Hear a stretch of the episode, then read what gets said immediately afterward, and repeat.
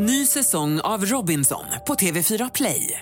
Hetta, storm, hunger. Det har hela tiden varit en kamp.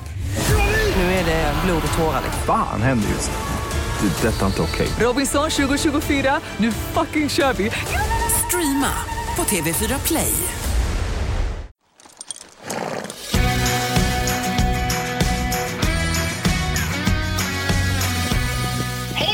För ridklubben igen. Hallå Rebecka. Hej Gry! Hur är läget med dig? Jo men jag mår jättebra. Jag var hos min sjukgymnast igår och fick ett rid, börja rida-datum. Va? Få höra. Den 2 februari ska jag få sitta upp på hästen igen. Men jag får absolut inte ramla av. Så jag ska göra mitt bästa och om jag då fortsätter att träna på så här bra som jag har gjort hittills. Nej, vad duktig du är. Vad bra, vad roligt att höra. Ja, Hur men- tänker du? Vem, vem ska du rida? Vad ska du göra? Ja, jag har funderat faktiskt mycket på det här. Det blir ju då skritt tror jag i början.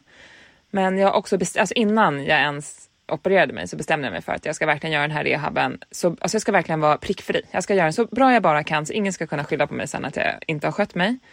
För att det är en annan ridtjej som går hos samma sjukgymnast som jag har som också håller på med hästar, med fälttävlan då. Och hon eh, opererade korsbandet för första gången så det är lite lättare som att jag har gjort det nu för andra gången. Men hon började nu rida och skulle bara skritta ut. Hästen går omkull och hon bryter foten på det benet som hon har gjort sitt korsband. Du måste skoja. Det är sjukaste jag hört. Jag skojar inte. Och då kände jag bara så här att ehm, ja, jag ska verkligen sköta mig och inte, känns det inte bra den 2 februari så kommer jag inte börja rida. Men jag tänker också att jag kan typ skritta fram en häst till dig kanske. Eller skritta av. Exakt. Exakt. Alltså, alltså vet man bara som har man sett dem springa omkring en stund. Så man vet vad, vilket de, nu är de ju inte så himla peppa peppa coola hästarna. Men alltså med gå omkull på en skritttur. Alltså då är det ju, då är det nästan som man bara funderar på om det är vad det är som pågår. Ja, nej men jag vet. Det är alltså så olyckligt och jag tycker så otroligt synd om henne. Men ja, nej men så jag tror att det blir skritt inomhus och kanske på Neo. Neo känner jag mig ändå tryggast på. Ja, han är fin. Han är så himla fin. Ja. Nu är det några dagar sedan jag såg dem också. Jag sitter hemma med covid. eh. det är så. Det är värsta sjukstugan. Jag vet och det är ingenting, jag ska inte skratta åt det. Men det är också härligt att ni ändå inte är jättesjuka. Alltså, Nej, ni nej, har ju nej, varit gud, lite nej. krassliga men inte dödssjuka liksom. Nej, nej, nej, nej, nej. Alltså, nej jag menar sjuka med podden är som sjukstugan. Att du får inte rida och jag har varit, nej, alltså, vi har haft peppar, peppar. Vi har haft den absolut mildaste varianten jag tror man kan ha. Det du hör på min röst nu, det, that's it. Det är så Ja. sjuk jag har varit. Alltså, så här, jag har inte haft, igen, peppar, peppar, jag vet inte vad som kan hända nu, men nu har det gått en dag, mer än en vecka och jag har liksom lite, lite, lite hes. Ja, jag hade lite feber en kväll. Ja. Men annars så är det... Det, det här, det, jag, kan inte vara, jag, kan inte, jag kan inte få snällare covidresa. Och det gäller hela familjen. Eller nästan hela familjen i alla fall. ja. Och det här är första är- gången du har covid, eller hur? Ja. Ja. ehm, så att det, jag är, det är väldigt tacksam för den här milda varianten. Otroligt tacksam att jag har vaccinerat mig. För som jag tror hjälper jätte- jättemycket. ja. Men eh, det är så tråkigt för just också när man är, inte är sjuk då. Då kommer jag här och bara, jaha, vad gör vi nu då? Så vi Ja. har sorterat ut våra garderober.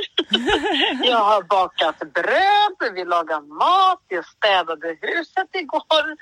Du har gjort i ordning i tvättstugan. Alltså, du vet, man borde titta, så att Nicky, vi får bara så här, vad ska vi sy om något? Ska vi göra? ska vi... Jag sa till Nicky att vi ska sy, hon köpte, vi köpte ju en dressyrsadel av henne i stallet, en begagnad ponnydressyrsadel ja. eh, i stallet. Så sa vi får sy ett, vi kan sy ett eh, sadelöverdrag. Jag så du vet, Ja. hitta på grejer att göra med. Så att, eh, men hela familjen är instängd i huset så att det är, vi är otroligt stalllängt här kan jag säga.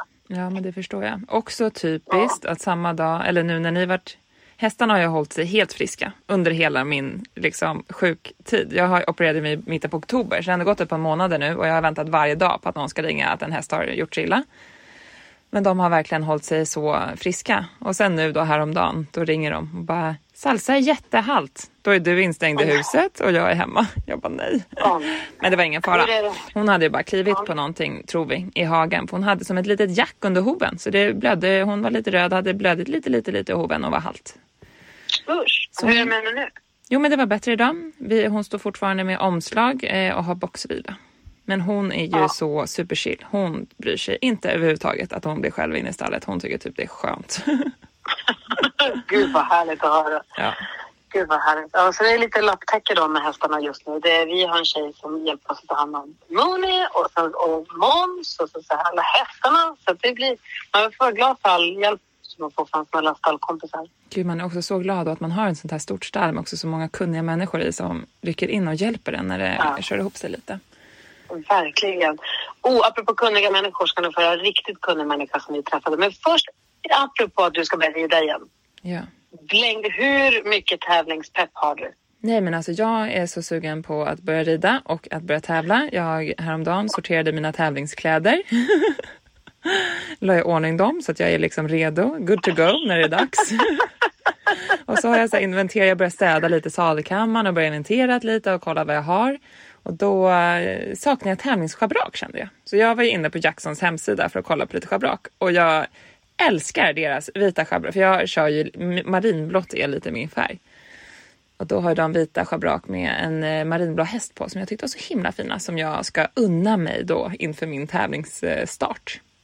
Alltså jag var också inne på Jackson Equestrian sponsrar vår podd och det är vi jätteglada för. De har ju olika typer av schabrak. Dels den bara den här hästen, alltså hästhuvudet från Jackson. Men sen så den, tänker du på den då med ett hästhuvud med krans av löv eller vad man ska säga. Exakt. Den är, den är så fin. Ja. Och då är det också lite större rutor på själva schabraket. Jag kollar på ett brunt här också. Jag är ju en sucker för ljusbrunt mörkbrunt kombon. Ja. här är ett eh, schabrak som är mörkbrunt med en ljusbrun sån logotyp på. Men det vita tävlingsschabraket också jättefint. Det är så clean, det är så snyggt ändå. ja, jag tycker också det är jätte, jättefint. Också fint för jag har ju deras eh, rid, vita ridbyxor. Då är det också ett litet eh, blått hästhuvud på dem.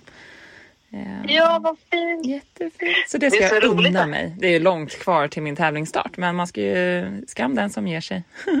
Ja, de var jäkligt fina de där schabraken. Det är så roligt när man är på stora tävlingarna på, när det är mässor och sånt. När jag var på Friends och på Elmia och sådär. Ja. Jag hoppas, hoppas, hoppas, hoppas att Göteborg får genomföra. Ja, det hoppas jag ja, också. hoppas. Men man märker att det är schabrakfeber. Folk har, det är schabrak. Folk är helt galna. Jag bara titta in i våran sadelkammare också.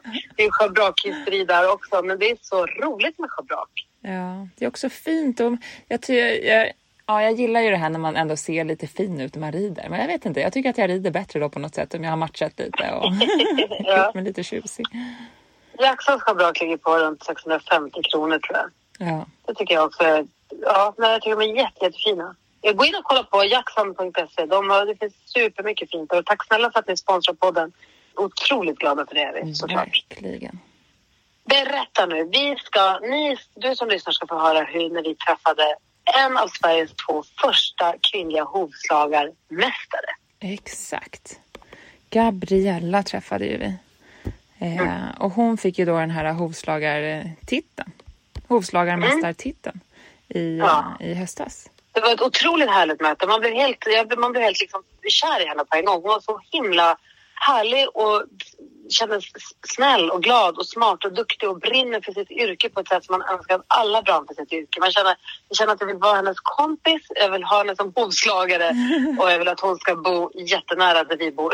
Jag vet. Så det- kände jag för ja, henne. Jag kände exakt likadant. Bara när hon kom in genom eh, dörren så kände man att den här Ja. energin, det är sån här, såna här människor Ja. man vill omge sig med. För att, nej, hon hade en otroligt härlig energi och man märkte att hon också hade en sån otrolig kärlek till eh, hästarna. Ja, Eh, hon tog hon oss- kändes hon genuint intresserad liksom, och ville att allt skulle vara bra, liksom, både för häst och människa. Ja, hon tog oss med storm och vi lärde oss massor. Hoppas att du gör det också. Eh, här får ni också lära känna Gabriella.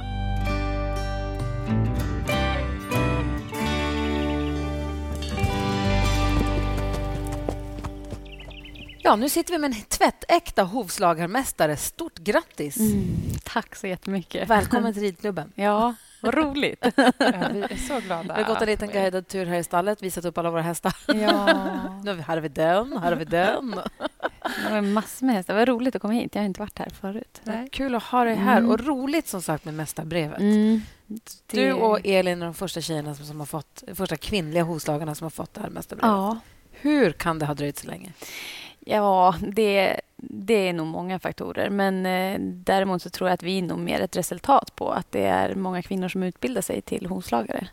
Det är, eh, det är em- jättemånga som har frågat om eh, eh, det, ja, hur är det att jobba i ett mansdominerat yrke och sådär. Men eh, det är väldigt många tjejer som är hovslagare Mm. och går utbildningen. När man tittar på utbildningen så är det ju nästan ja, 70-80 procent som är tjejer på utbildningen. Så att jag tror snarare att vi har blivit ett resultat på vad som kom igång liksom för länge sedan. Så det kommer komma mer efter det? Ja, det definitivt. Sparkat upp dörren? Ja. Hur kändes det att få? Ni var på Stadshuset. Mm. Hur var mottagningen? Hur var det? Utdelningen? Ja, det var ju häftigt. Jag var faktiskt mest nervös för att gå ner för den där trappan i högklackat. Men eh, det gick bra. Vi höll varandra i handen och så, så, så gick vi ner och tog den där. Och vad innebär då ett mästarbrev? Att man är mästare? Ja, det är ju som ett prov på eh, din yrkesskicklighet. Eh, och det man gör på provet det är att du smider ju eh, hästskorna ifrån ett rakt plattjärn. Så du gör hela hästskon med ja, det är av... en rak grej som Ja, du ska precis. forma om till Mm, en ja. hästsko. Så vi, vi kan säga att vi bygger en custom made hästsko till just den individen eh, och tar hänsyn till hur den ser ut och så. Man tittar alltid på hästarna innan, hur de rör sig och vad man vill hjälpa till med och sådär. Och det kanske inte finns någonting man kan hjälpa till med med beslaget utan att man, man ska skor den utifrån individen. Så. Eh, och så får, det, finns det en poängskala då, då, så du får betyg på allt ifrån eh, hur du har verkat hästen eh, till eh, kvaliteten på smidet i din sko och hur bra är skon för hästen till passning. Och så sedan även på slutprodukten. Hur har du knutit skorna på hästen? Alltså hur man har nitat den och hur det ser ut. Och då har du aldrig träffat den här hästen tidigare? Nej, nej. Så det är första gången jag ser hästen och så. Så att, eh, ja. Wow, du måste ha varit jättenervös. ja. jo, jag var nog lite nervös, men det... Eller känner man- man sig så säker på sitt yrke så att du vet att det här är jag bra Alltså på? just då, i den situationen, så är det ju önskvärt att du ska vara så pass förberedd så att du, du är trygg i det, den uppgiften. Och eh, sen är det ju alltid bra att vara lite nervös för då Skärper man nog till sig lite extra, tror jag. Sådär. Det är annorlunda att göra ett prov. Nu har jag, jag har tävlat inom hovslageri också. Då blir man ju också nervös. Man får träna på den situationen lite grann. Eh, och eh, allt det som är innan. För det är ju egentligen en jätteresa man har gjort. Så alla hästar som man har tränat på, det man har lärt sig utav det. Det är resultatet man får se sen som blir liksom facit på något sätt. Eh, när man kommer tillbaka och säger åh, det här kanske, nu har den vuxit lite så, men jag ska tänka så här nästa gång och sådär. Gud, vad intressant. Så- Hur kommer sig, vem, vart kommer det ifrån? Och hur började du med hästar? Och hur kommer det sig att du vart hovslagare från början? Eh, jag har en... Eh, eh, det, jag ska försöka korta ner historien. Livshistorien. Ja. Men eh, jag åkte skidor väldigt mycket. Jag bodde uppe i Åre, Jämtland. Ja. Eh, och mm, höll på med det på en ganska bra nivå. Alltså, så, och körde och sådär. Men eh, sen så, eh, som ett brev på posten, så kom ju knäskador såklart. Också skidknäskada. Ja, precis. eh, så då kände jag att ja, men vi har haft häst tidigare i min familj och så, så jag skaffade en häst. Eh, och I samband med det så bytte jag jobb och började jobba med eh, att bygga pjäxor till skidåkare. Och Då tittar man lite grann på leder och ligament och hur man står på sin fot i rätt position och sådär. Och så sen så eh, bygger man en pjäxa utifrån det. Och så sen så snappade jag upp det och försökte liksom prata lite grann med min hovslagare då om, om det och insåg väl att eh, hon var helt med på noterna hur man tänkte och så där, att man gör det. Men det var där någonstans det växte ett intresse. Eh, hur skor vi hästen? Står den likadan på sitt ben eller använder den likadant sitt ben när den travar eller när den galopperar, när den svänger snabbt i en kurva och hur har vi skott hästen utifrån de förutsättningarna? Så eh, då blev jag mer och mer intresserad av det. Så sökte jag in eh, på hovslagarskolan och eh, blev helt fast i det. Alltså, Men hur mycket kunskap skulle du säga att du hade innan du sökte in? Är det för alla? Liksom? Eller tycker du att man ska ha god Alltså- hästkunskap innan man söker in? Precis. Ja, hej. Jag kan ju erkänna då att när jag åkte ner då med min häst, lastade den där uppe i Åre och så åkte jag ner och så kom jag ner till skolan och eh, Gick du på Ströms... Ja, jag har Ja. gått på eh, Strömsholm. Ja. De har ju utbildningar, alla riksanläggningar, men det finns ju flera utbildningar i Sverige också som Ja. är superbra. Men eh, jag lastar ut min häst och ska jag bara kolla den med veterinär och sådär. Och det första, Nina Ruppstorff heter hon, det första hon säger när hon ser mig komma med min häst är bara åh, här kommer en häst med en människa. Så jag var så här, "Ah, okej, det var min hästkunskap liksom. Åh, tråkigt. Ja. men, men det är någonstans så satte ju det sig i mig. Så att jag liksom, nej, jag ska lära mig det här. Ja. Och eh, det, det har gjort jättemycket. Jag lärde mig väldigt mycket av min häst då under den tiden eh, som jag var inne på skolan och så där. Så att eh, hästhanteringen är ju A och O. Och vad är det då som är grejen med hovslageri? Vad är det som fascinerar så mycket? Alltså som gjorde att du blev helt fast? Ja, för mig var det ju jättemycket smidet. Eh, Att smida hästskor. Eh, men också hanteringen. Att man lär känna individ. Idag kan jag gå in till en häst på stallgången och känna att du kommer förmodligen bete dig på det här sättet. Mm. Eh, jag Vi tycker pratade om det att- lite grann innan vi började spela in här, Mm. just den här ordlösa kommunikationen med djuren. Precis. Ja, för du jagar och hund Ja, och också med ja. hästarna. Ja, Att man kollar, känner av hästen Ja. utan att säga någonting. ja precis. Och att eh, jag kan nästan... Det, det låter ju kanske lite flummigt, men jag tycker att jag kan prata och göra mig förstådd genom att hålla i en hov med en häst. Jag kan prata med den utan att eh, ni kommer höra att jag pratar. Att jag liksom, man kan förmedla en känsla genom att bara hålla i hästen. Eh, det, det låter ju jätteflummigt för vissa, men eh, Jag tycker det låter fantastiskt. Ja. Jag tycker att du ska komma hit var Ja. åttonde Ja. vecka. Resten av livet. ja. ja. Eh, det är ju någonstans dit man vill komma. Att, eh, och det är ju, jag jobbar ju även med lärlingar i, i dagsläget eh, som är och jobbar med mig för att de ska klara av att att starta eget sedan, som gör en uppskolning och sen ska de också starta eget hovslageri. Eh, och det är ju väldigt häftigt för att jag kan nästan se på hästen om lärlingen är rädd för hästen. Så hästen talar om mer för mig gör. än vad lärlingen gör. Ja. Eh, att om den, jag, jag känner ju den för att jag har skott den flera gånger men den kan nästan säga att det här är lite obehagligt och i nio fall av tio så tycker lärlingen också att det är obehagligt. Så eh, det är fantastiska djur att jobba med. Och Är man lärling, går man på utbildningen då? Eller när är, blir man lärling i hovslagarutbildningen? ja, antingen så går du som lärling direkt från början hos en hovslagare Och skiter i utbildningen. Ja, precis. Det, det är kanske inte att rekommendera. Men eh, annars söker du in på en hovslagarutbildning. Eh, och så sen så har du ju praktik eller eh, ja, att du är ute hos en hovslagare och eh, får träna. Liksom. Eh, det är ju jätteviktigt där att man hamnar hos en bra person då som kan axla upp den rollen som eh, till exempel en mästare kanske.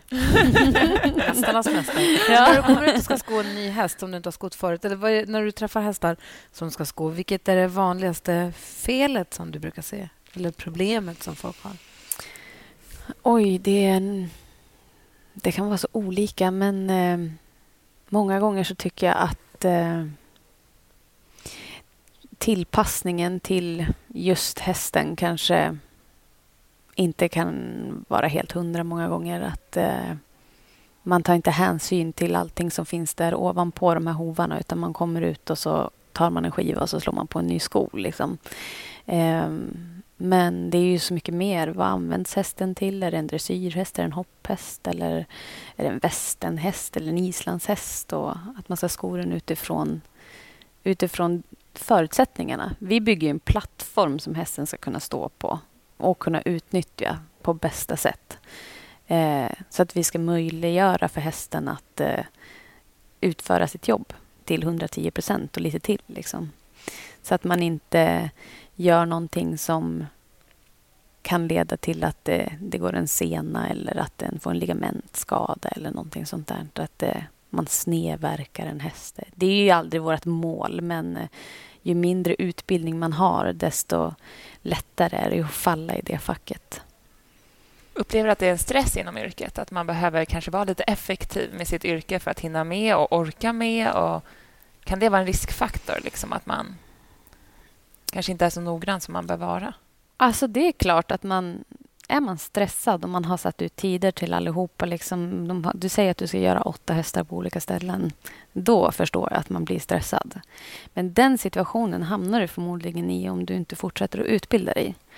Utbildar dig, då kommer du komma upp på en nivå som du kan ha färre hästar men du kommer kunna ta, ut, ta mer betalt. Och Då hamnar du inte i den situationen. Och Det där är ju lite svårare att förklara liksom för en hästägare att du ska betala de här pengarna. För resultatet kommer bli så mycket bättre. Betalar du, lägger du på nivån under så kanske du inte får hela produkten som vi faktiskt ska stå för och Nej, sälja. Men sen blir det också det här att då så har vår häst tappat en sko, säger vi. Och så ringer Mm. man hovslagaren och så säger man snälla, snälla kan du komma, vi ska tävla i övermorgon. Mm. Och så vill de vara schyssta för man har ändå en relation. Och sen så Mm. trycker de in en mellan något eller efter något. Och så förstås för att säkert hovslagaren vill vara bussig och hjälpa till. Mm. Och så sladdar den förbi mellan två. Alltså det är så lätt hänt att det Mm. blir det där, även om man inte vill från början. Mm. Ja, men verkligen. Och det är Ehm, just det här med eh, att kunna upprätthålla den servicen. Det gäller ju också att du ska kunna ligga på en nivå och sko ett visst antal hästar. Du får inte ta på dig för mycket. Och Det är ju svårt för att det är en brist på hovslagare. Det finns jättemycket hovslagare eh, men det finns inte jätte, jättemycket utbildade hovslagare. Eh, och det ena behöver inte utesluta det andra. Det finns även de som kanske inte har gått en utbildning men att de är väldigt duktiga på det de gör ändå. Men, men eh, man kanske måste sko ett visst tal- antal hästar för att komma upp i den omsättningen för att kunna ha mat på bordet, om jag säger så. för att försöka förklara det på något sätt. Vad tycker du som hovslagarmästare att jag som hästägare ska göra med hästens hovar? Vad tillhör liksom den dagliga eller veckobasliga, säger man så? Ja, det är visiteringen. När man visiterar Ja, nej, men så alltså så här, det ska, jag kratsar hovarna, förstås. Mm. Men vad mer tycker du att man ska, ska man göra? Vet ni vad? Att så här tycker jag. eh, att hovarna och liksom det som är kring hovarna, det är då anställer man en, kompetens till att göra det. Det finns de som pratar om dålig hovkvalitet på sina hästar. Eh, och kan jag smörja in med någonting? Och jag har alltid sagt att det är upp till hovslagaren. Det är hovslagaren som ska kunna göra sitt jobb så pass bra så att du får kvalitet och starka hovar utav din häst. Sen finns det absolut de som har lite sämre hovkvalitet, men kolla över ditt grovfoder. Vad kan du liksom påverka i det? det hovarna är ju ett resultat utav vad de äter och deras hår, eh, eh, päls, liksom, om den glänser mycket. Det, den blir starkare om vi fodrar dem på rätt sätt. Och Det betyder inte att man ska köpa massa tillskott, utan det är ett bra grovfoder. Och så sen så gäller det att ha en bra hovslagare. Och det, det finns jättebra sätt att ta reda på vad har man för utbildning eller bara fråga sin hovslagare. Eh, så kommer man väldigt långt på det. Ja, Kratsa hovar ska ja, man ju absolut göra. Det gör man dag. Det, det Ja. tillhör själva visiteringen Ja. utav hästen varje dag. Eh, och se till att det är rent i boxen.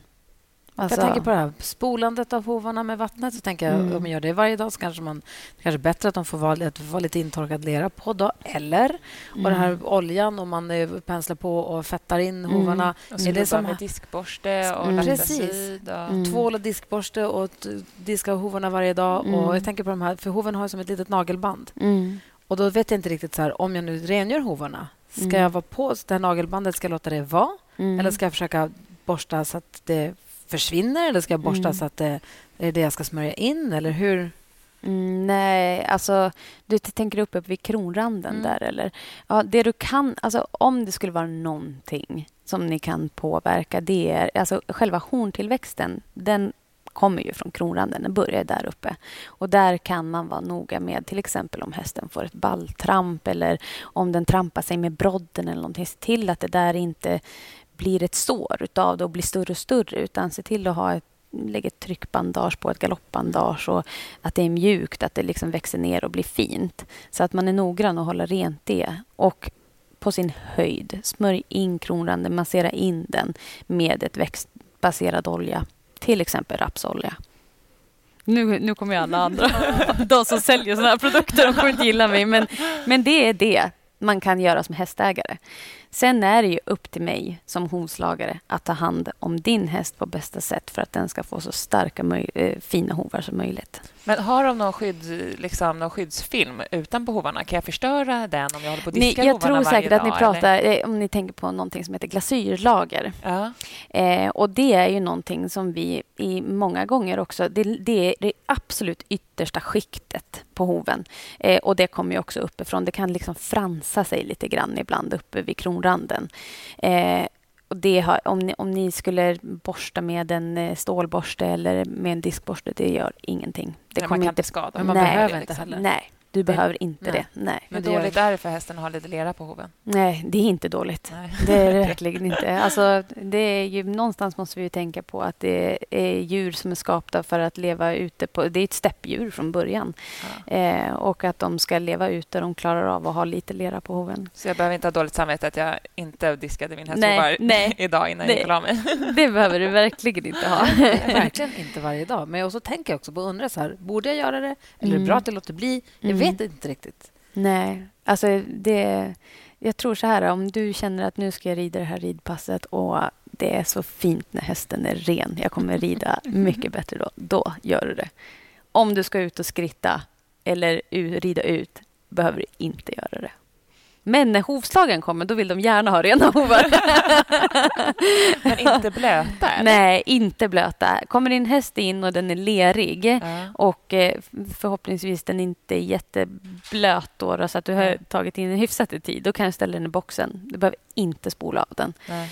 För, bättre eh, man borstar bort det värsta. ja, liksom. Mm. verkligen. Eh, våra eh, raspar, alltså våra verktyg och även liksom nippen och det man verkar hästen med. Det tar så mycket stryk utav när det blir de här små, små sandkornen. Liksom. Och, om man, hästen då är blöt, då eh, sliter det mer. Ja. Och även, vi vill ju inte heller bli blöta. Men du, är det inte jättetungt?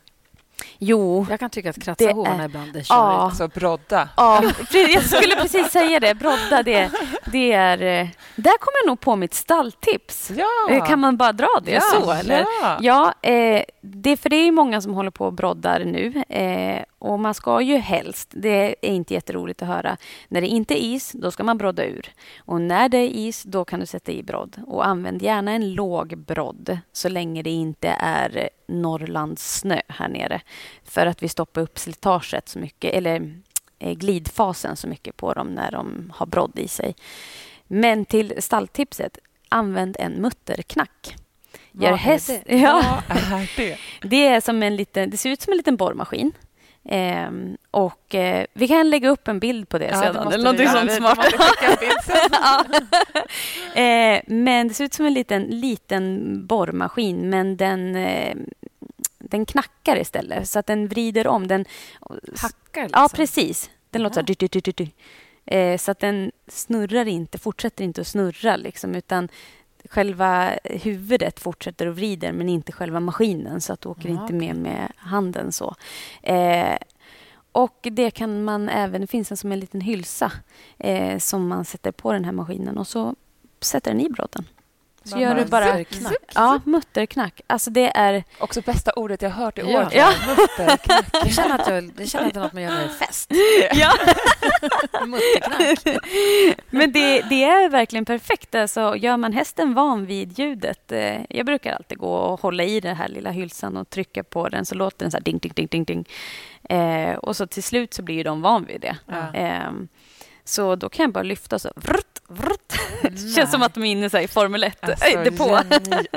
Men du, det här Ja. med glidmomentet som man tar bort med broddar. Mm. Om du har hästar, nu är det december och det är Mm. isigt och hårt i hagen Mm. och sen ska man rida sig vid ridhuset. Mm. Broddar du av då för att rida ridhuset och sen brodda på direkt eller?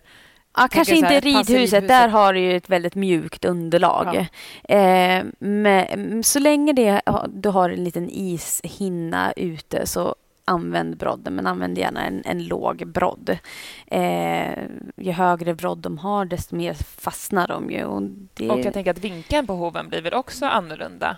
Ja, för ja, ja, men har, eller? precis. Jag sätter alltid en liten, liten brodd på hästar här nere. Eh, och hade jag skott någon där uppe där jag vet att det blir mycket snö, då kan man absolut använda en högre brodd. För de Eh, sjunker ju också igenom på ett ja. annat sätt. Ja snön. precis. Ja. Du hade ju häst i Luleå när jag var Eh, liten. Vi mm. hade ju fyra broddar ju per Ja, sko. ja. Här har vi bara två. Ju. Eller jag bara Fullt två. försvarbart att ha fyra broddar i Luleå. ja, Det det är det. behövdes. Det behövdes. Ja. Men det som man får ju tänka lite grann vad som är, vad är det som tar stryk om de inte får göra sitt glidmoment fullt ut. Och det är ju hovleder, kote, kotleden och ligamenten tar ju stryk utav det. Eh, då kanske man får en, en tråkig hälta på sin häst som man inte hade behövt ha om man bara hade legat i lite. Eh, då en Men mutter- samtidigt måste man ju ha brodd på dem nu ute i hagen och sådär. För ja, annars är det ja, jättestor risk att de... ja, att de fläker sig. Exakt. Så. Men, du vet, eh, med mutterknack. ja, Jo, men jag tänker ute i hagen måste de ju ha ja, ja, men sen när du kommer in. Ja, Ja. exakt. Det är, eh, har man, ser man att ja, men nu kommer det vara en varmare period och eh, det inte är den här ishinnan längre, då hade jag verkligen försökt att brodda av. Så att man har det lite i bakhuvudet att eh, nu kanske de inte behöver gå med de där Och har man ändå en mutterknack och jag har de här små skumgummi... Mm, det finns små perfekt. skumgummipluppar. Ja, Då trycker man ja. i dem med hålen. ja. För då fastnar inte heller sten och skit där. Utan då tar man bara Jättebra. ur den och sen i Mm. med den där. Då tar det ju En typ sekund. en sekund per Ja. i. Sen när vi spelar in det här så är det ju nio dagar kvar till jul. ja. Hinna önska oss en mutterknack. Ja. Faktiskt. Men då tycker du också att det är bättre med två brodd här nere än fyra? ja, det gör jag. Absolut. För det är bättre att de går lite högklackat men har två brodd och inte... Ja, och oftast där de går, det, när du använder en lå, 7 mm är den brodden som jag brukar använda. Jag vet inte Eh, vad de heter. Isbrodd, vinter... Ja, det finns ju, det är tunna olika höjd på dem. Sånt där. Och så sen så har de ju en hård kärna då. Eh, och eh, Nu ringer det. ja, typiskt. ja. eh, nej, men de har ju en hård kärna och den där är ju alltid lika hög. Men jag Ja. brukar ha 7 mm tycker jag är helt okej att ha här nere. Eh, och ju längre ner man kommer desto min, mindre vinter är det ju. Och jag broddar på mycket, mycket senare som när jag jobbade i Göteborg till exempel. Nästan aldrig snösulor på eller någonting. Hovarna mår mycket bättre utav det. Vi hade väl inte sulor eller några, några tricksskor på någon av våra hästar. Alla har bara vanliga skor. Vi har ju också Mm. inte snö. Nej, Nej, men vad menar vi överhuvudtaget? Alltså Ja. inget så här tricks och fix. Nej. Men du hade läst eller sett något he- sni- hemmasnickrat tips, va? Exakt. Men innan det så tänker jag också lite det här med snösulor, när vi Mm. ändå är inne på det. Mm. Tycker du att man ska sätta i snösulor för förebyggande syfte eller är det dåligt att ha sulor om inte hästen behöver sulor?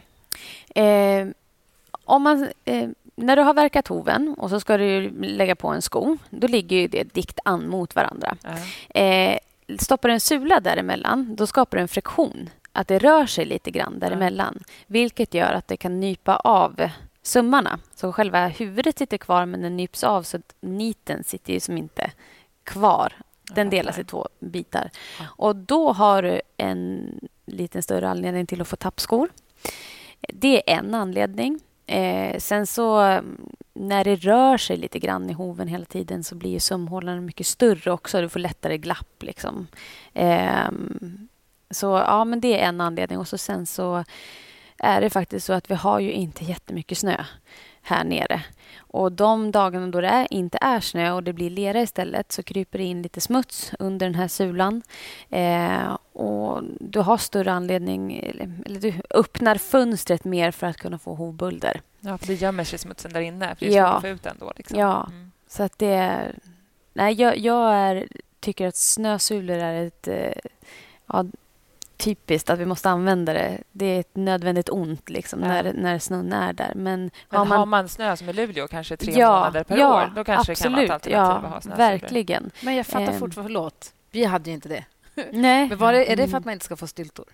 Ja, Eller precis. Det trycker ju bort eh, själva snön ifrån Precis. hoven så att det inte blir de här Nej, styltorna. för vi hade ju liksom. kall snö, så det blev ju inte så mycket styltor. Och när det blev stylta, då hade man red med, med klubba. Då hade man ju klubba med sig. Ja, Och så fick man perfekt. hoppa av och Ja. knacka ur och rida vidare. helt eh, magiskt. Trästilbyglar och klubbar. Jag gjorde klubba i slöjden. Ja, Styltklubba. Perfekt. Vi hade, också, när vi hade tävlingar så var det framridning på utebanan och så tävlade Ja. man i ridhuset. Ja. Då stod insläppet klubbade ja. styltorna innan Det var ingen insläppare, Mm. det var en klubbare. Ja. Ja, men har man den möjligheten att kunna rida i ridhus också, ja, då finns det ingen anledning. Då är det bara att välja dagarna när Men du ska om vara det ute. nu då skulle vräka ner snö här en dag och jag Mm. känner att nu måste jag ut och rida snön, men det Ja. finns en risk för stylter. Mm. Då såg jag ett litet eh, hemmagjort tips här på sociala medier. Att de har tagit en så här, mjuk skärbräda från typ Ja. Ikea och skurit ut så att den är lite större än hoven och tryckt i den hoven. Mm. Ridit med och sen plockat ur. Mm. Får man göra så? Eller är det Absolut, jättedåligt? det, det kan du göra. För jag menar istället då för att du ska sätta på en snösula på din häst och så sen så råkar du få en tappsko och den drar av sig lite utav hoven. Du hamnar i moment 22. Det blir svårt att få på en sko och det blir en, en lång härva utav det. Som en klipp ut en liten mjuk skärbräda då och använd det den gången. Så har du ju sparat dig för ett större problem. Liksom. Och ramlar den ut så... Ja. Det är bara att klippa en ny. Ja, det kan inte Mm. skada att den Glasslock är det en del som använder också. Ah, Mm. smart. Ett En- pinkpack. Ja. Nej. Genialiskt. Du får spara pepparkakslådan. Ja. Ja, det går några pepparkakslådor här.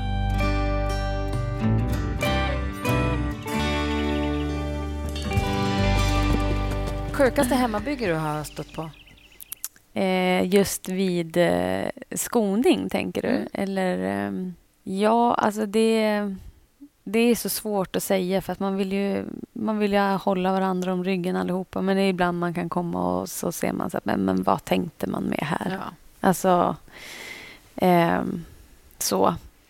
Det är väl egentligen det. det man önskar det ibland att man bara kunde ta den personen under armen och bara kom vi gör det här tillsammans. Så här kan vi också göra.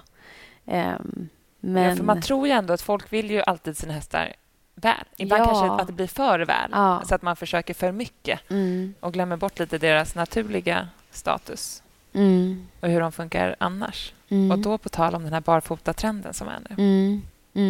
Vi kan inte kalla det för trenden, sa ju Nej. von Eckermann. Just det, Nej. just. Vi, poddade, vi träffade Henrik von Eckermann på Ja. Friends och då Ja. frågade vi honom om barfotatrenden. Han blev jättebekymrad och sa Mm. kalla det inte för trend. Nej. Nej. Han, var väldigt, han hade en väldigt bestämd bild av hur han tyckte att man inte skulle göra eller göra. Mm. Men vad säger Mm. du om Eh, det är så bra att vi tar upp det och pratar om det, tycker jag. För att eh, det är ju...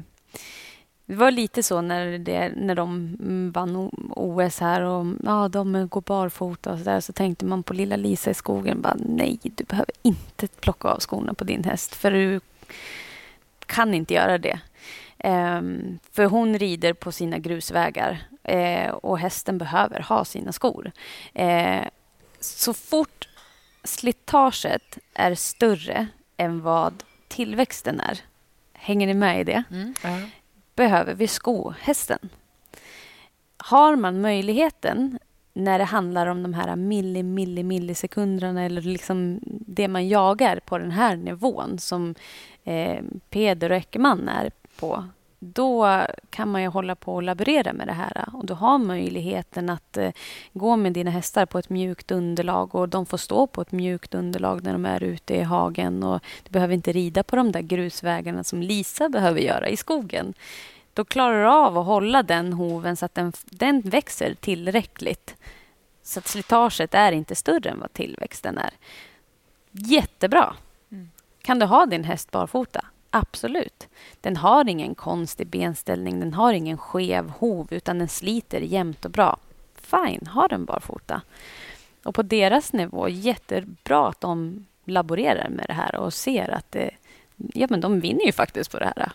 Och det är ju kanon. Men eh, tjejerna här i stallet, de kanske inte ska ta och rycka av skorna för att de tror att de jagar tiden på en eh, tävling till exempel. Där handlar det ju mer om att eh, lära dig att rida hästen och hitta varandra och sådär. Utan, Jag kan nog snarare man- tänka mig att folk som inspireras av det där inte kanske jagar sekunder på en lätt B eller Nej. C utan att det handlar mer om att man tänker, att man tänker sig att ja, men det är mer naturligt för hästen och att man ska Mm. vara schysst mot hästen. mm, Det var väl det han var inne på också. Sa att, så här, han bara, ja, eller att man, eller att man sa perfekt, då sparar vi in kostnad för hovslagare. ja, Man men sa visst. att jag har aldrig haft hovslagare så mycket hos mig någonsin som nu. Mm. För de tittar och millimetrar och han, han verkar ju hästarna Han, är där, han själv filar- varje är där dag och kollar han pinfilar dem liksom hela Mm. tiden. Mm. Eh, håller på med dem. Så att är, är man på den nivån, då blir det någonting helt annat. Ja. Men jag tror också som du säger att det kanske är tokigt om man börjar tänka att Nej. Att man ska ta av alla hästarna skorna för att det ska vara bättre för dem. Nej, nej men precis. Nu eh, vet ju jag vem det är som skor hos honom. Men det är en kollega till mig som jag jobbar tillsammans med och han är ju... Det är nog inte så billigt att ha han och komma ut så många gånger. så, och han är superduktig, så det är ju verkligen rätt personer bakom det här som ja. prövar. Eh, och sen så när man börjar prata om så här... Ja, för att det är naturligt för hästen. Ja, men vad det vi gör med hästen då, hur naturligt är det? Att de har oss människor som är rovdjur egentligen sittandes på ryggen. Det är ju inte supernaturligt. Och anledningen till att vi började sko hästarna från första början det var ju för att vi använde dem i kriget och att de inte kunde gå längre för vi hade använt dem för mycket inom situationstecken. Då. De hade slitit ner sina hovar så att de blev halta. Och då kom man på att ja, men då kan vi skydda foten eller hoven med en, en järnbit. Då. Eh, så det är ju det som är den första mm. anledningen till att vi... det fanns ju andra tofflor som de satte på också som man har hittat långt tillbaka. Liksom. Men, men, vi behöver skydda dem för att de, vi ska kunna använda dem på det sättet som vi vill använda dem. Har man en liksom, häst som klarar av att gå barfota, ja men ha den barfota då. Jag är så fascinerad av att hon har så fina naglar själv. Ja. Hur tar du hand om dina naglar? Jag får Nagellack och långa naglar. Ja, ja men eh, det är bara för stunden. Det är jul snart. det är jul snart. Jag har aldrig sett en hovslagare med nagellack, tror jag. Nej. Välvårdade ja. ja. Det finns ju också olika material mm. som skor. Det var ju mm. en, ett tag där många pratade om att ha gummiskor mm. som flexade lite i hoven, att det var mm. bra för att hoven rör sig ju ändå lite. Mm. Eh, det finns ju aluminiumskor. Mm. Varför använder man järnskor? Ja, man har väl inte hittat på något bättre ännu. Det är väl det som funkar, har liksom funkat bra. Det är det du kan modifiera bäst. Det kan du göra med aluminium också, tycker jag. Eh, gummi har jag lite svårt för. Jag har inte testat det så mycket, så det är lite svårt att uttala mig om. Det är väl mer inom travet man har använt det. Eh, men, eh, men än så länge står, slår järn starkt alltså. och även aluminium. För undra, visst hade Neo aluminium när han hade sin senskada, tror jag? Mm. Det kan man För absolut Då hade han lite bredare fram till, tror jag. Ja, han har haft en, eh, ja, var det ett gaffelband, eller? Gud. Han har haft ja, en bred tå och smala skänklar. Ja, exakt. En, mm. en, den ytliga böjsenan. Ja. Jag kommer också på ja, då är jag haft visst också en sula ett kort tag för att det var någonting. Mm. Men jag mm. minns, det, jag minns inte. Jag jag kommer inte ihåg. för mycket hästar nu. Ja. Vi har ju också fått så otroligt mycket roliga och bra lyssnarfrågor. Mm.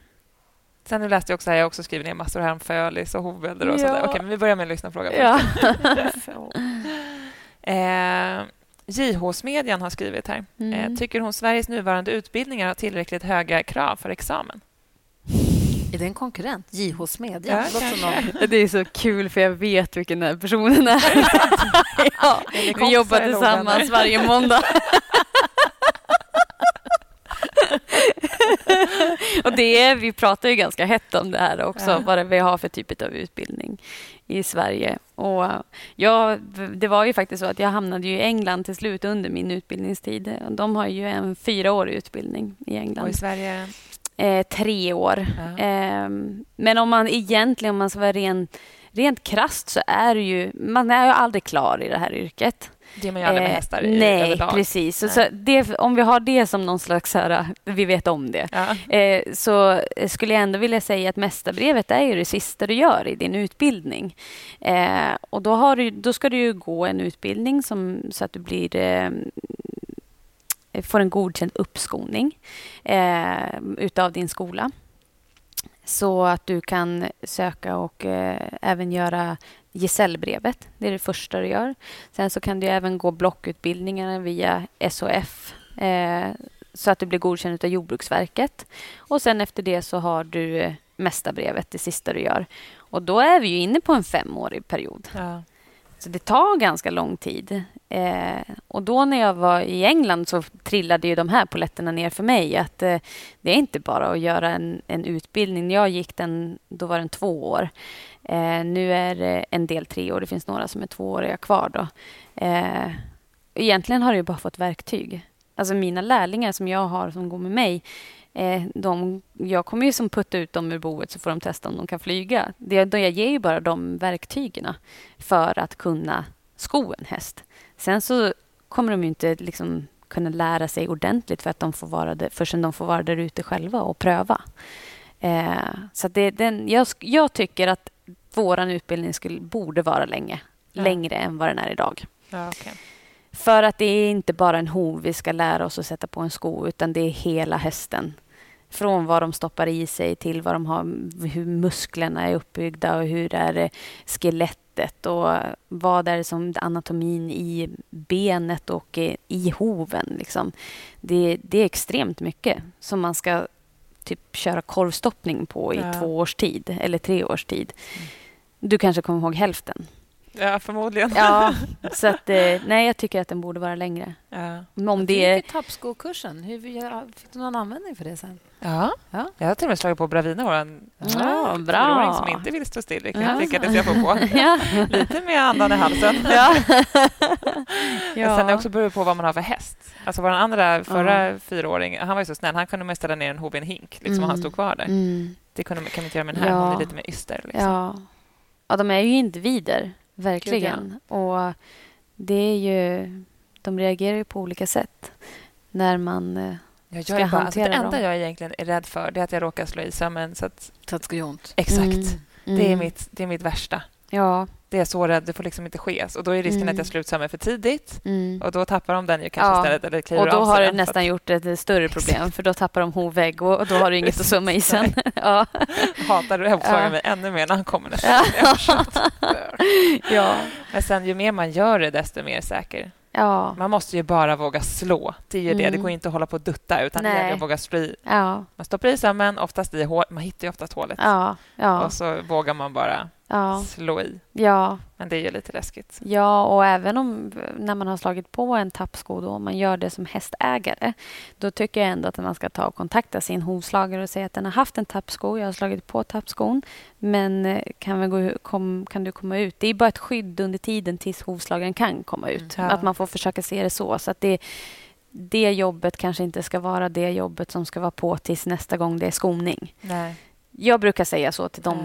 De hästägarna som jag har att jag kommer gärna ut och titta på det så att vi inte gör det värre. Nej, exakt. trampa Och ditt jobb blir kanske också lättare då. Ja, Nästa gång du kommer och ska sko den, Mm. om du har tittat att det ser okej ut, än Ja. att den går med det där i jättemånga men- veckor och så bara oj gud, det här Ja. kommer bli ett halvår att bygga tillbaka Ja. den här hoven. Typ. ja det, det, det, hovar är ju ingen quick fix. Alltså. Nej, Det tar Det har jag ganska också lång förstått. tid. Ja. ja. man vill gärna undvika problem om man kan. Och då Ja. har vi ju här eh, Sten som undrar hästar som kliver av sig skorna fram. Vad gör man? Mm. Vi har ju också några hästar här i stallet. ja. Man vet ju vilka. Jag skulle kunna säga ett par namn här. De har alltid Mm. tappskor. Mm. Mm. Jag, fa- jag fattar fortfarande inte hur de lyckas tappa skorna. Nej. Alltså, så många sömmar som det sitter i. Ja. Ja. Jag begriper inte. Nej. Nej. Alltså tappskor är ju, det är ju jättesvårt att om svara på. fastnar runt någon gren eller i hagen av någon Mm. trasslar. Eller, men just en häst som galopperar och så pjoink flyger en sko. Mm. Obegripligt. Jag fattar Mm. inte. ja. Nej, det förstår jag inte heller. Jag fattar inte. Nej, det... Men eh, nej, det är, de breddar ju sig alltid bak. Oftast när de har trampat av sig, då är det ju fram de trampar av sig. Det är där de trampar av sig själva, när de själva har åverkat det. Om de trampar av sig en baksko många gånger, då är det ju på grund av att någon annan har trampat på Ja. dem. Eh, men eh, det är så svårt att prata om tappskor, för att det, där måste man nästan komma på vad, vad är grundproblemet? Varför tappar den skon? Eh, hur är den när vi skor hästen? Har vi en häst som liksom hellre klättrar på väggarna när vi väl ska sko den så är, då måste man tumma på sitt jobb. Alltså. Men det vill man ju inte. Men då kanske man kan se, finns det någon lösning så att vi verkligen kan göra det här jobbet jättebra? Eh, och Det är ju många olika sätt som man kan använda sig av. Du kan ju ge en häst lugnande och sådär. Om det är just det det beror på. Om det är grundproblemet, att vi inte kan göra en bra skoning på hästen. Men för vissa hästar har shivering till exempel också, Ja. så det kan bli svårt att Ja, sko. precis. Det, det finns jättemånga olika anledningar. Det finns hästar som har haft ett trauma med en Nej. hovslagare. De är inte jättelätta att jobba med. Jag, själv så blir man ju så... Man tycker synd om individen. För hästar är så fina. De vill lita på oss. Och vi, de vill vara till lags. Oftast när jag jobbar med hästar som jag haft sedan de var små och man ska sko dem första gången, det är inte ett problem. För att de känner när, när vi kommer in, vi som har jobbat med det här, det här är ju vår vardag, det är vårt jobb, vi är lugna i det. Och då blir oftast hästarna lugna också. Och de har träffat mig många gånger. Jag har haft någon, någon liten treåring som vill ställa benet på den här pinnen när man ska nita dem. Liksom. För att han gjorde ju det med det andra benet, så Ja. hjälper han till så här. Ja. Och det, det är oftast det jag möter. Eh, men då om man träffar någon häst som kanske har haft en dålig upplevelse så då kan man använda sig av andra sätt så att de får en positiv upplevelse av just skoning. Eh, så att man kan göra sitt jobb bra. Hur kan vi då som hästägare träna våra hästar eller liksom förbereda dem så bra som möjligt inför ditt jobb? Eh, ja, men som ert föl nu då Ja. eh, kan man lyfta lite grann på benen. Han är inte jättekul. Nej. Och det, är ju, det, är, ju- det här är ju... Han bor inte hos mig. Jag är så glad för det. Ja, och det är ju svårt också för att som jag sa att vi är ju så väldigt vana vid det, att hantera hästar, att ta i deras ben och vi vet på olika sätt hur vi ska lyfta benen för att de inte kanske ska kunna sparka dig lite grann. Eller det, det finns ju olika tekniker i det. Och det kanske inte man har bästa tekniken när man tror att hästen ska sparka och man närmar sig hästen på ett, lite som ett litet asplöv. Då säger hästen bara, men gud, du är ju superäcklig. Ja. Varför rädd blir ett asplöv själv också? Ja. Ja, men precis. Eh, så att eh, redan från början så säger du ganska mycket till även ditt föl att, eh, som du säger här, den, eh, han är inte jätterolig. Nej. Och då har vi redan sagt att hästen inte ska vara rolig när vi går ut och hanterar den. Ja. och då kommer den ju vara så. Eh, istället för att eh, det är en teknik. När, om man kan den och man blir trygg med den så är, har man lite lättare att jobba med den.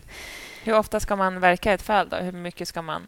Alltså det där är ju, när de kommer ut, deras, då måste vi gå in och prata om deras tillväxtzoner. Okej. Eh, för de sluts ju nerifrån och upp och de har ju massor med olika tillväxtzoner i sitt ben. Ja. Eh, och eh, när de kommer ut så kan ju... De har ju legat som en liten korv där inne. Ja. Ibland så kommer det ut väldigt stora hästar som vi har i en liten mamma för att vi avlar själv. Ja. Eh, och då kan de ju vara jättevinda och snea och de kan ju, det finns föl som ser ut som att de har, liksom blåser åt ett håll för att de är helt sned. Så här. Ja. Det, det är ju sant. ja. Alltså, så himla långa ben. Ja, liksom. ja, och det är de här stora knäna, ingenting hänger med. Liksom. Eh, där får man ju ha lite is i magen för att ofta så rätar de ut sig. Eh, föl måste få gå också i kuperad mark på olika underlag för att vi ska stärka upp både leder och ligament och att de ska kunna bli raka. Ja. Eh, men har du någon som är sned som du måste göra ett ingrepp på, då måste du vara ganska tidigt ut för det, för att, eller ute i det, för att eh, tillväxtzonerna sluter sig ganska snabbt nerifrån och upp. Och vill du kunna påverka det där utan att det ska bli en felaktig belställning så måste du göra det tidigt. Och då är, pratar vi om första veckan. Men kan man typ skicka Oj. en bild till sin Mm. veterinär eller hovslagare? Eller då fråga? Absolut, absolut. Men det som jag tycker är klokast egentligen, det är att när fölet har kommit Ja. så ber man sin hovslagare komma ut. Ja. Fölkorrigering eller korrigering på hästar överlag, det är, ja, de, du kan ju bara korrigera dem medan de är föl. Ja. Eh, det är extremt svårt. Ja. Eh, när man ska veta att nu ska vi ingripa, det här ska vi låta vara för det kommer bli bättre med hjälp av liksom, naturen. Eh, det en av våra kompisar hade någonting knasigt. Ballerinatå. ja, Exakt, så kan det Den- ha varit. De den- skulle stretcha den liksom en gång i timmen dygnet Precis. runt. Alltså, jag tror det var Ja. oftare. Så en gång i halvtid, en gång i timmen Ja, eller det var helt sjukt. Den Mm. gick på tå, tror jag. ja. Ballerina hov, En, det eh, hette. det blir en senkontraktion. Ja. Eh, så att den exakt. drar ihop sig. Och Då måste du hjälpa till att stretcha den där när den är liten för då kan vi inte hjälpa till med en sko eller så. Eh, man kan också, om vi är riktigt eh, ansträngda lägen så kan man ta hjälp av en veterinär som kan ge lite muskelavslappnande och sådär så att de kan komma ner. Liksom. Men de har ju riktigt ont alltså. För de, det dras ju ihop. Ja. Och det är det vet, det vet jag inte om ni har hört talas om förut, att det kan resultera i en bockhov. Bockhov har jag hört talas Ja. om. Men, ja, jag hade ser varit nästan stött ut lite grann som en Coca-Cola-burk. Jag brukar Ja. säga att det ser, och den blir väldigt rätt upp, Ja. växer rätt upp. Och det är ju inte superskönt att göra ett Nej. genomtramp på en, Nej, en en sån. colaburk. Liksom. Nej. Det är som att gå på klackskor utan en klack. Ja. ja, så att det, det... ja, och ofta så får de ju det på ett ben också. Ja. Tråkigt. Eh, så, Men ja. Jag tänker som Fölis då. Han har ju gått i hagen med sin mamma, gått i kuperad terräng och Superbra. också. Vi separerade dem i helgen nu. Det var hemskt. Mm. Eller de har sovit isär. Men vi hämtade Ja. hem mamman hit. Ja. Känner mig Ja, som en hästtjuv. Alltså. Ja. Usch. ja, Ehm, sorgligt. ja. Men han går ju barfota. Vi har ingen aning. Vi har ju bara, det är inte vi som... Vi har ju bara hört att han inte älskar att bli... Han har lite kort tålamod och älskar inte riktigt att Mm. Nej. bli hålld på med på det Nej. sättet. Går Nej. det bättre. Han fick också en hovbäld här nu. Ja, okej. Så då fick ja. komma ut, men då fick han också lite lugnande. för Ja, men de det är väl jättebra kunna- istället för att man ska göra det där och så får han en dålig upplevelse till Exakt. exempel. Mm. Exakt. Och där Så han det- bor nu, där har, är ju han hovslagare. Ja, vad Så bra. han gör en lite men han är också lite äldre och så, här, så han ska Mm. inte hålla på om de är för Mm. stökiga. Så då har de också Mm. ytterligare en hovs, för de är jättestora. Ja, Som kommer ut och hjälper Ja. dem. Liksom. men det är Men jättebra. Hur dåligt är det att de får en hovbäld när de är så här små? Hovbäld är ju mitt värsta. Alltså jag, Ja. Det känns som att får de hovbäld en gång, då får de det jämt sen.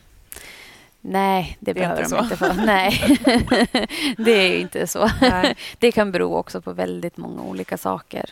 Och, eh, men för att de har fått en hovböld en gång så behöver det inte vara så inte att de får för livet. Nej, verkligen inte. Hellre en hovböld än en hovbensfraktur, kan vi Okej, säga. Då ska jag tänka på det Ja. nästa gång. Om det ska vara något i hoven. Liksom. ja, men precis.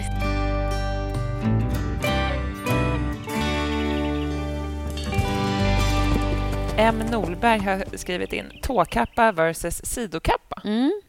Det är en bra är också, fråga. Jag har Ja. ingen aning. Ibland Nej. har hästen tåkappa och ibland sidokappa. Ja, Jag har ingen ja. aning om varför. Ja, nej, det är verkligen, det kan man också använda olika syften. Men när den har sidokapper i fram till exempel så är det oftast en överrullningssko. Det innebär att den inte har den här 90-graders kanten som en, en sko med en tåkappa oftast har. Eh, och då hjälper vi hästen att rulla över lite tidigare. Och det är såna skor man också drar bak lite, skor lite längre bak. Ja, man kan göra det, men det, det är ju förutsatt att hästen har väldigt mycket hovvägg fram i tån. Eh, så att man får ju inte dra tillbaka den för mycket. Eh, man ska alltid se till att man ska försöka sko hästen utifrån, eh, ja, men som jag sa tidigare, att det blir en bra plattform för hästen att stå på. Eh, och eh, jag tycker om att använda tåkappa eh, på fram oftast. Eh, I bak så använder jag sidokapper men kan även använda tåkappa också. Men det som avgör...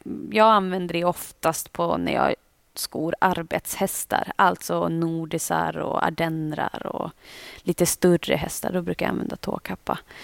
Eh, de använder sina bakfötter lite på ett annat sätt om de ska dra ett timmer i skogen. Jag bland annat till en killen som jobbar med eh, skogskörning och tar ut eh, allt material ur, ur eh, K-märkta skogar och sådär.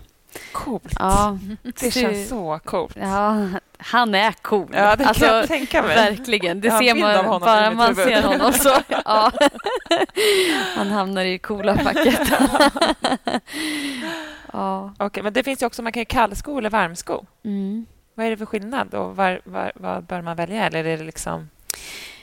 Så länge det kommer fram till fram, samma resultat, så det resultat som vi vill ha, så tycker jag inte att det spelar någon större roll. Jag varmskor ju endast. Eh, och det är för att jag är lärd att varmsko. Eh, då, den tiden som jag var i England, de varmskor ju i stort sett bara där. Det är väldigt sällan man kallskor. För man, där är ju utbildningen annorlunda. Där är, man blir man ju svartsmed också. Eh, du blir smed samtidigt Vad är som du... svartsmed? Ja, vi, vi jobbar ju med det järnet, den typen av järn. Okej. Så smed då. Ja. Glöm det där svarta då. Ja, Blacksmith är ju Ja. ett ord man känner igen, men svartsmed säger man inte så ofta på svenska. Nej, precis. Det är ju direkt översatt. Då. Ja. Ja. Så det är smed. Ja. Eh, så nu ska jag komma ihåg den här frågan. Bara. Varmsko eller kallsko? ja. Det känns ju Eh, så här lite hemskt när man varmskor och man bara psh, det brinner om hela hoven och ryker. det ser coolt ut, men också mm, hästarna känner inte det. nej, om, då hade jag suttit som ett frimärke i väggen om de hade känt det. det ja, nej, Råkar de känner inte det. lite Ja. typ. ja, nej. Eh, Det som jag tycker är fördelen med att varmsko då, Ja. eh, det är att när jag, järn vill jag alltid gå tillbaka till ursprungsformen. Så den har en form som den har fått ifrån fabrik, de fabriksskorna som vi använder. Eh, vi tar fram den och så riktar vi den kallt. Då skapar vi massor med spänningar i skon. ja, för man bankar och slår och Precis. försöker få- Ja. Men när det värmer upp järnet Ja. och eh, värmer upp det till en viss nivå grader, då nollställer du det. Så du har inte samma spänningar i den eh, skon som om vi skulle haft två skor, den här är kallriktad den här är varmriktad. Då har du mindre spänningar i den skon. Jag förstår. Eh, så det tycker jag är en stor fördel. Eh, sen så är det såklart en nackdel med röken. Är ju inte, det förstår ju vem som helst att man kanske inte ska dra ett halsbloss av den röken. Men eh, det är Nej, också det, borde, det kan inte vara jättebra Det är inte er supernyttigt, det tror jag inte. Det. det är tio paket gula Blend. Nej, jag vet inte, men Nej. som ett exempel. Ja. Eh, men Men det är eh, ingen munskydd på er eller någon liksom, nej, gasmask? eller? nej, man andas bara inte in. Nej. Man tar ett andetag och så sen så bränner man på. Men det. är, du står ju inte där forever, utan Nej. det är ett litet pys. Liksom. Ja. Men jag tycker att tillpassningen, alltså att smälta samman materialet, hovet och, och skon, eh, det blir som en enhet. Jag inbillar mig att jag har färre tappskor. Och peppar, peppar, jag har inte mycket tappskor. Och eh, jag tror att det, det hänger ihop med spänningen och att jag har liksom smält samman materialet Ja. Eh, på ett sätt. Men, det, eh, ja. Och- det här har du pratat lite om. Mm. Men Stina hon skriver här, finns det något som på riktigt fungerar för att stärka hovarna på en häst med lite dålig hovkvalitet? Och Det tycker jag är en bra fråga, för det är ju Mm. ofta många som pratar om det här och vill Mm. köpa tillskott och man googlar Mm. kanske hur man gör. Mm. En bra hovslagare. En Det kommer hjälpa dig. Och Ja. Och då med, vad, ja, men vad menar man med en bra hovslagare? Då? Jo, men vad har den för utbildning? Kan man Eh, se någonstans vad de har ja. för utbildning? Det kan du göra. Du kan, jag vet inte hur det är att så här, göra reklam och sådana grejer, men man går in på SHF, Sveriges hovslagarförening, Ja. och där går, kan man eh, söka på eh, sök hovslagare. Och då står det där. Då har du massor med benämningar bakom. Det finns fem bokstäver eller någonting sånt där. Och då är det om den är utbildad, har en fortbildningen eller tilläggsutbildningen godkänd av Jordbruksverket, har en gesällbrev, har en mästarbrev. Och finns den inte med där alls så är den en kvacksalvare. Nej, det behöver inte vara så. För de som är med på föreningens hemsida, det är ju bara de som är medlem i föreningen också. Ja. Så det ska man komma ihåg. Det är inte alla som är med där. Men det är så du kan titta upp. Ja. Och sen så prata med Man sin... fråga sin ja, vad verkligen. tänk om de ljuger? Eller? Ja, nej, men Ja, det, det- det, det tror de det. inte. Jag tror, jag tror inte att de säger det. Jag- Jag har jobbat i 30 år, det är min utbildning. Alltså, Ja. att de, Ja, och då, men jag det är tycker svårt samtidigt för som att... nya eh, hästägare att förstå. Eller du vet, om de säger så här, ah, vad du får ut... Eller Ja. man kanske inte ens vågar fråga för att... Nej. Alltså det, det, jag tycker så här. Det är upp till vår bransch att informera om vad en utbildad hovslagare är. Och den har väl informationen kanske har varit lite knackig kan jag tycka. För det är ju egentligen upp till hästägaren att ställa krav på sin hovslagare. Vad har du för utbildning? Vad är det jag betalar för? Jag tror att det måste bli lite så. För att man går oftast den här två, treåriga utbildningen och så sen så klappar man sig själv på bröstet och så finns det så himla mycket jobb så man fastnar i det. Men det är ju det som är vår fallgrop lite grann. Vi måste fortsätta utbilda oss. Man måste, den här nyfikenheten, om den försvinner, ja men då kanske du ska börja kolla efter någonting annat. Mm. Alltså, så fort man känner sig nöjd och börjar luta sig tillbaka, då är det kanske läge att göra något annat. För att då kommer inte din nyfikenhet och hung, att du är hungrig på att fortsätta lära dig, det, det försvinner ju lite grann. vad ska, men du då, som är mästare nu? Jag ska fortsätta. Vad är nästa steg för dig? Jag kommer ta diploma i England. Det är mitt eh, nästa steg. Och Det är också mycket för att man vill fortsätta. Alltså ha en morot. Det är precis som med träning. Vad är ditt mål med ridningen? Vart vill du hamna? Har du en träning eh, och eh, vi ska komma hit, ja men då, då utför du ditt eh, jobb på vägen dit mycket bättre. Eh, precis som att jag kommer fortsätta att tävla. Det gör att jag upprätthåller min standard i skoningen på en helt annan nivå. Ehm, ja, så att bo- både tävla och, och... Jag skulle jättegärna vilja köra stora landslaget. Jag har varit med i lärlingslandslaget tidigare och tävlat VM i, i lag. Men jag skulle vilja vara med i stora landslaget och göra det. I hovslagar-VM? Ja, Ja. det hade När- varit när är det? häftigt. Ja, nu har det ju varit lite som det har varit med den här pandemin. Så, eh, men det brukar vara i september i Stoneleigh i England eh, varje år. Eh, och så har vi en uttagning som är i år i februari. Eh, och då får man ju vara med alla svenska hovslagare. Och så sen så tas lärlingslandslaget och eh, det stora landslaget fram. Gud vad kul. Det är klart Mm. du vara med där. Ja, ja, det är jätteroligt. Alltså, det, det är verkligen en... Ja, ja men det, det är häftigt. Och då möts alla från hela världen Mm. eh, som är hovslagare och man tävlar tillsammans och man utbyter, utbyter kontakter och erfarenheter. Och, eh, det, är en, det var en fantastisk resa att göra det som lärling. Mm. För att man får se andra länder också och inte så inrutat. Eh, det, är, eh, det är väldigt lärorikt. Jag pushar för att mina lärlingar ska vara med där. Det tror jag att de kommer vara. De har anmält sig nu till uttagningen så jag ska vara där och banka rygg. ja. Hade vi någon mer lyssnarfråga innan vi Ja, men så jag tror att man kan prata hur länge Jaha. som helst. ja. Man kan prata om riktning och hit och dit. Och, Ja. men jag tänker att vi kanske kan träffas igen ja, längre jättegärna. fram. Ja, ja det, vi har massa frågor till Mm. förstås. Du ska ju gå och träna dressyr. Jag ska ja. rida. Ja, roligt.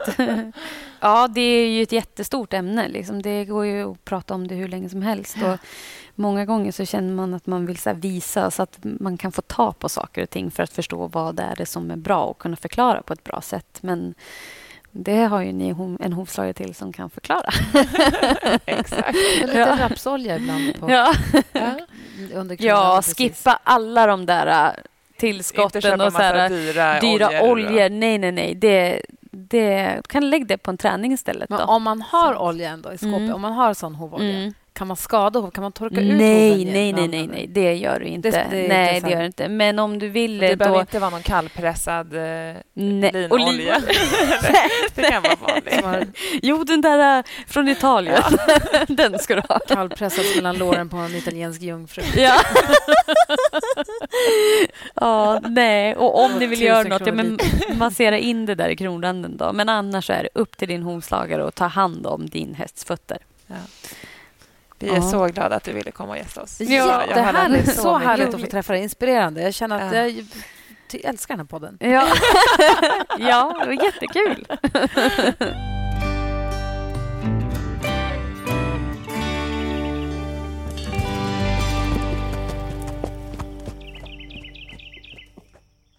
Ny säsong av Robinson på TV4 Play. Hetta, storm, hunger. Det har hela tiden varit en kamp. Nu är det blod och tårar. liksom. Fan händer just nu. Det. är Detta är inte okej. Robinson 2024, nu fucking kör vi! Streama på TV4 Play.